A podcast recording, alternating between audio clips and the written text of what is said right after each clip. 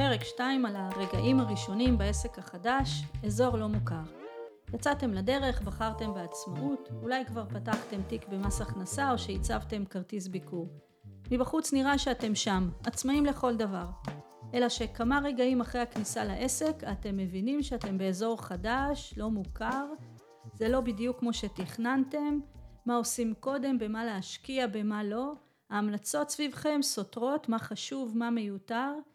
המעבר הזה מזכיר לי את המעבר למקום מגורים חדש.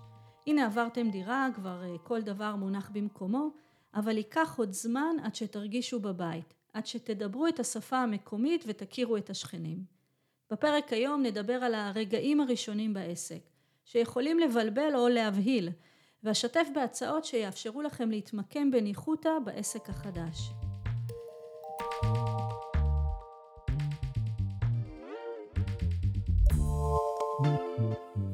שחזרתם, אני חווה ניסנבוים, יועצת עסקית, והיום נדבר על הרגעים הראשונים בעצמאות. הקמתם עסק ועכשיו דברים השתנו. סדר היום השתנה, שגרת העבודה, אולי אתם עובדים מהבית עכשיו, האנשים שעבדו איתכם כבר לא שם, נעלמה המשכורת הקבועה והיעדים שהכתיבו לכם, פלא שאתם מרגישים ואקום? מושג הרצף מעולם הפסיכולוגיה מגיע כאן לעזרתנו, וההצעה שלי היא לבנות רצפים או גשרים מהישן לחדש. לדוגמה, הזכירו לעצמכם מה עזר לכם במצבים קודמים להתמודד עם אי ודאות או מצב חדש, ואיך תוכלו להעביר את הידע או היכולת מהמצב ההוא למצב הזה. סיפור קצר על רציפות אישית כזאת. דנה הקימה קליניקה לטיפול רגשי. היא הגיעה לייעוץ חסרת אונים, לא יודעת מה עכשיו. חיפשתי גשרים. ביקשתי ממנה לחשוב אילו מיומנויות או ידע מהעבר יוכלו לשרת את העסק שלה בהווה ובעתיד. היא סיפרה שעזבה תפקיד בכיר בניהול מכירות והיא תוכל לקדם את העסק שלה עכשיו בדיוק כמו שנהגה לעשות כשכירה, כמומחית במכירות. למעשה בנינו גשר והיא יכולה להיעזר בו כדי לקדם את העסק החדש. דוגמה שנייה לרצף מבני. צרו שגרת עבודה. גם אם אתם בבית ואין לכם עדיין לקוחות, הקפידו על סדר של יום עבודה. בהתחלה זה ירגיש מוזר, אך אם תתמידו תראו שזה כשלעצמו מארגן. קבעו זמן לקימה, לארוחות, לעבודה. אגב, רציפות כזאת עוזרת לכם, אבל גם עוזרת לסביבה. הם ילמדו שאתם בונים עסק ויחסכו מכם שאלות כמו מה אתם עושים כל היום. התשובה פשוטה, אתם עובדים, מקימים עסק חדש. גם בתוך שגרת העבודה החדשה, נאמר בין השעות 9 עד 4 או 3, הגדירו לעצמכם תפקידים מוכרים, כמו ניהול השיווק של העסק, מנהלת הכספים או מנהל המכירות. עכשיו תקומו בבוקר לתפקיד ניהול השיווק או ניהול המכירות. בתפקיד ניהול השיווק תחשבו על בניית אתר או דף נחיתה, פתיחת עמוד פייסבוק או לינקדאין. בבוקר למחרת תתעוררו לתפקיד ניהול הכספים ותציבו יעד כלכלי שתרצו להגיע אליו. כל מחלקה עם המשימות שלה. רגע, רגע, אתם חושבים לעצמכם, על מה את מדברת? איך אדע מה עושים בכל מחלקה, בכל יום, מכירות, תפעול, שיווק? קטע מעבר ונדבר על הלמידה הזאת.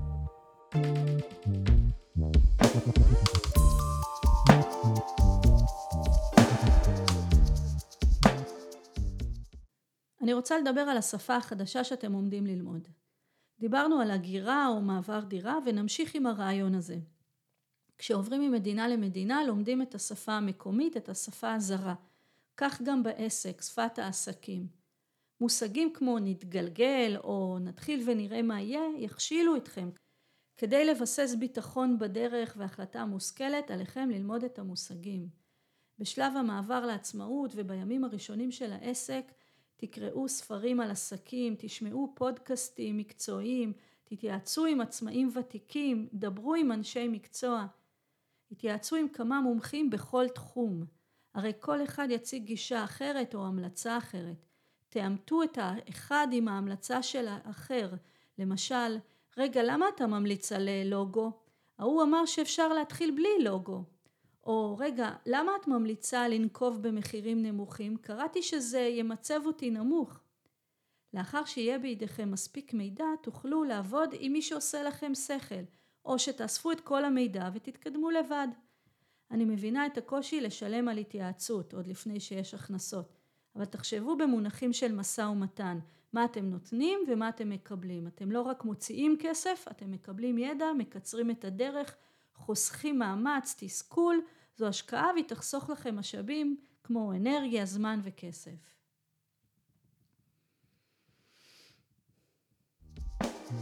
דיברנו על יצירת אה, גשרים ורציפות, אה, על למידה של שפה חדשה, שפת העסק, כל אלה גורמים שימשכו אתכם קדימה, שיאפשרו לכם לחצות את הגשר לעסק מצליח. אבל יש כאן גם גורמים מעכבים, שינסו לבלום אתכם או למשוך אתכם לאחור. אלה יכולים להיות אה, כוחות פנימיים, למשל כל אחד בראש אומר שזה הזמן להצליח, והקול האחר אומר לכם שאם לא הצלחת עד עכשיו חבל על הניסיון הנוסף. ויש קונפליקטים חיצוניים עם קולות בסביבה שאומרים אה, למשל שאתם לא מספיק מסודרים כדי לנהל עסק ולכם יש קול פנימי אחד שיודע שיהיה בסדר. והכוחות הבולמים גוזלים אנרגיות ובולמים. וכל המחקרים מראים שלקולות המעכבים יש משקל גדול יותר מהקולות המקדמים. כלומר אתם מקשיבים יותר לכוחות הבולמים. כמה מחשבות על הקולות האלה והאלה.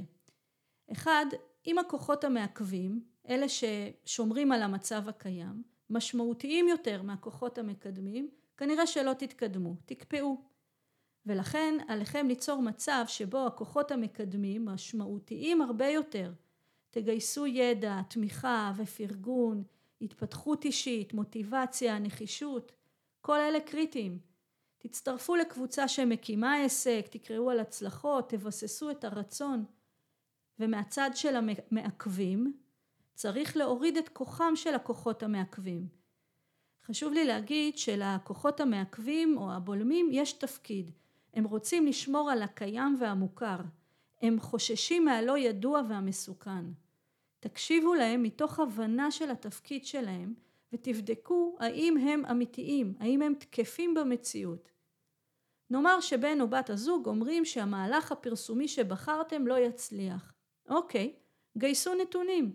דברו עם אנשים שפרסמו בדרך הזאת, תשאלו לגבי ההשקעה וההחזר. תבדקו מי הצליח עם הפרסום הזה במקצוע שלכם. בדקו לכמה אנשים יגיע הפרסום, מה אחוז הפניות הצפוי. ייתכן ובן או בת הזוג צודקים, אולי הנתונים לא טובים, אולי זה לא יצליח. כשתעגנו את הרעיון הפרסומי בנתונים, במספרים, בהצלחות, יהיה לכם פשוט יותר להניע את הרעיון קדימה או לעצור.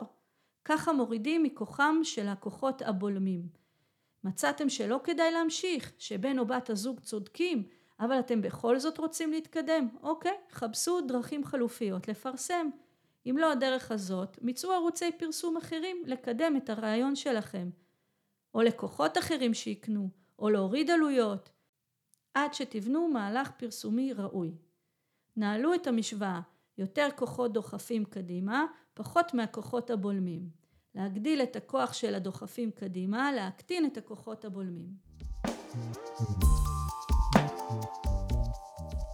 אם יישמתם את ההצעות עד כה, צברתם הרבה ידע וביטחון. הדרך מתבהרת והוודאות עולה. עכשיו נדבר על ההיבט האישי, על סגנון הניהול שאתם מביאים לעסק. תשומת לב לכל פרט, לראות את התמונה הגדולה, סדר וארגון, פיזור או מיקוד, אולי אתם מופנמים, אולי אתם מוחצנים. כל אלה מאפיינים אישיים שבאים לידי ביטוי בהתנהלות שלכם, ובאופן טבעי לא בכולם אתם מצטיינים. אלא שכשאתם מקימים עסק תידרשו להשתמש בכל המאפיינים, גם באלה שאתם לא מצטיינים בהם.